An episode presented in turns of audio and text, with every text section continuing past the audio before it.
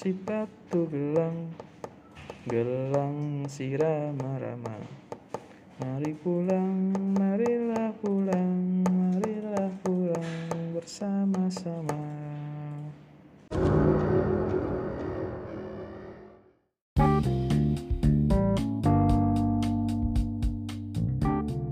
Halo guys, Assalamualaikum warahmatullahi wabarakatuh. Salam kenal, ketemu lagi sama saya, Harry Selamat datang di podcast Restory. Podcast ini akan menceritakan sebuah kisah atau cerita dengan sedikit dramatisasi. Ceritanya bisa dari saya sendiri atau dari kalian. Buat yang mau kirim ceritanya, bisa kirim ke podcastrestory@gmail.com. Ceritanya bebas, boleh pengalaman serem, cerita tentang persahabatan kalian, atau mungkin cerita tentang circle pertemanan kalian yang mungkin kurang baik. Atau apa pun itulah. Ya, demi keamanan, pastinya nama kalian akan disensor di cerita ini. Emailnya nanti akan saya tulis di deskripsi podcast ini. Oke, sebelumnya saya mau minta maaf dulu buat teman-teman sekalian yang mungkin sudah menunggu tentang podcast ini gitu ya. Karena udah lama banget ini podcastnya tidak aktif ya, udah dua minggu mungkin, dua, dua minggu lebih karena ternyata memang menulis dan membawakan cerita itu sendiri cukup sulit untuk saya lakukan sendirian jadi mohon doanya aja buat teman-teman semua supaya podcast ini tetap bisa jalan dan saya tetap bisa membagikan cerita-cerita yang akan saya bawakan nanti oke okay? Oke, jangan lupa follow buat yang belum follow biar podcast ini bisa terus berjalan.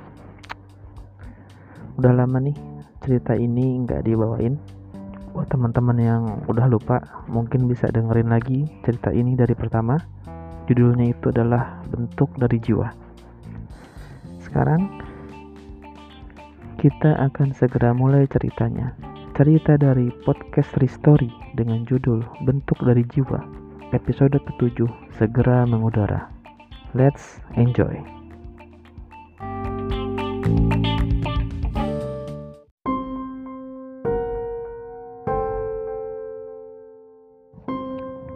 Di sebuah daerah perumahan, ada keluarga yang baru saja mendapat kabar bahagia. Ibu Maryam, istri dari Pak Tejo, telah mengandung anak kedua mereka. Sekarang, Ranti, anak pertama dari Pak Tejo dan Bu Maryam resmi memiliki adik. Tidak bisa dipungkiri rasa bahagia menyelimuti keluarga kecil itu. Ayah, benar kata ibu, kalau Anti bakal punya adik. Eh, Ranti, iya nak, tadi ayah sama ibu habis periksa ke dokter. Terus kata bu dokter, memang ibu kamu sedang hamil. Haha. Asik. Nanti jadi kakak dong ya. Iya, kamu harus jadi kakak yang baik ya. Jagain adik kamu. Kata Bu Maryam sambil mengusap kepala Ranti. Hmm, Bu, nanti Anti boleh kasih nama nggak buat dedek? Iya, boleh.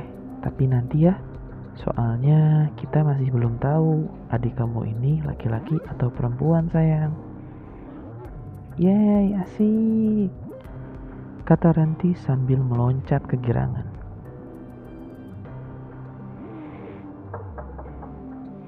Assalamualaikum, permisi.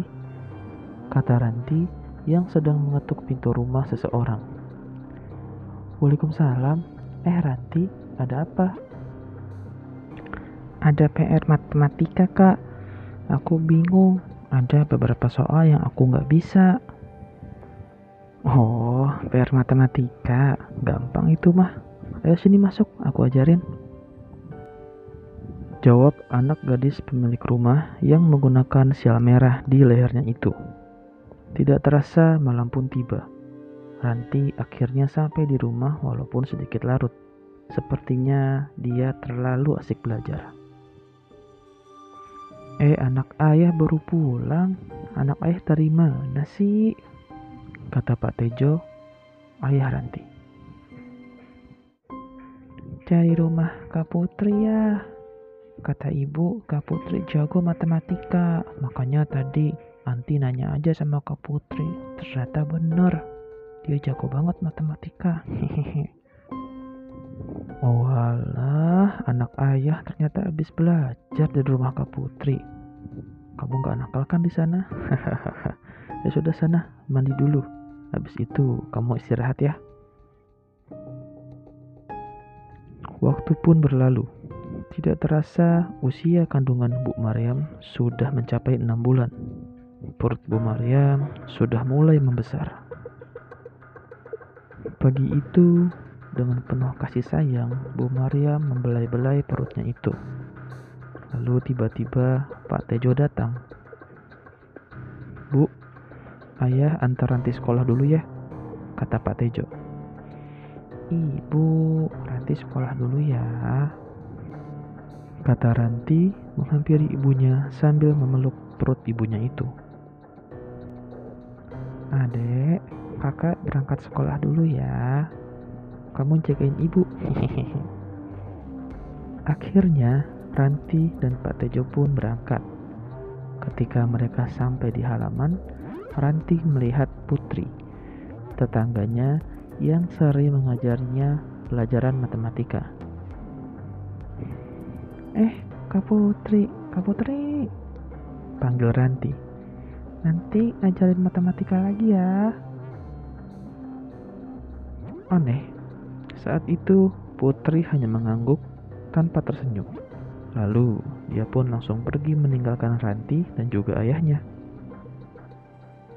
Saat itu Putri merasakan keanehan pada tetangganya itu.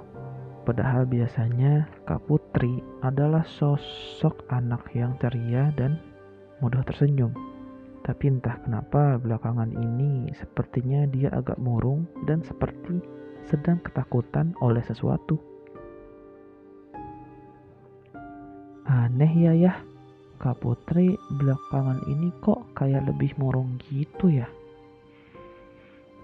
Ya, mungkin saja Kak Putri sedang stres nak sama pelajaran di sekolahnya. Dia kan sudah kelas 2 SMA sekarang. Kata Pak Tejo. Waktu kembali bergulir. Senja sudah mulai menampakkan kilauan indah yang dimiliki. Akhirnya Pak Tejo kembali sehabis menjemput Ranti ke sekolah. Ranti cukup terkejut karena ada kakek dan neneknya di sana. Kakek, nenek, kata Ranti menghampiri kakek dan neneknya. Ya ampun, kakek kakek paling pintar udah pulang. Ah ah ah ah. Kata kakek Badu sambil menggendong cucu semata wayangnya itu. Andai, kamu temenin ibu kamu dulu di kamar. Tapi cuci tangan dulu ya. Kamu kan habis dari luar, habis pulang sekolah kan ya? Kata nenek nasi. Ranti pun segera menurut dan turun dari gendongan kakeknya itu.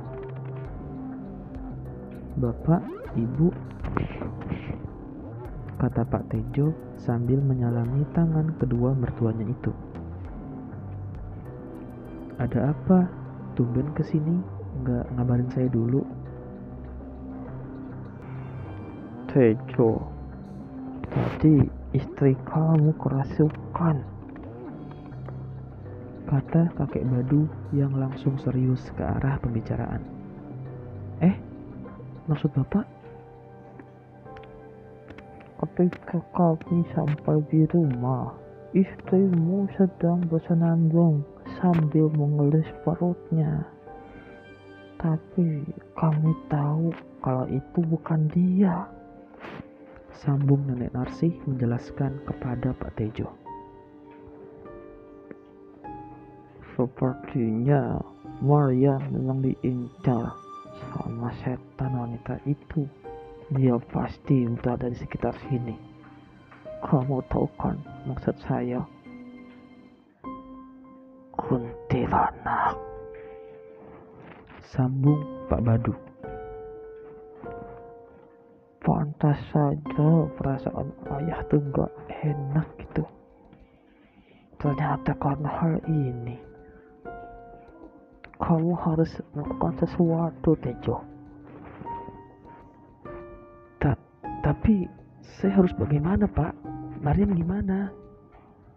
Pak Tejo mulai panik dengan keadaan istrinya itu.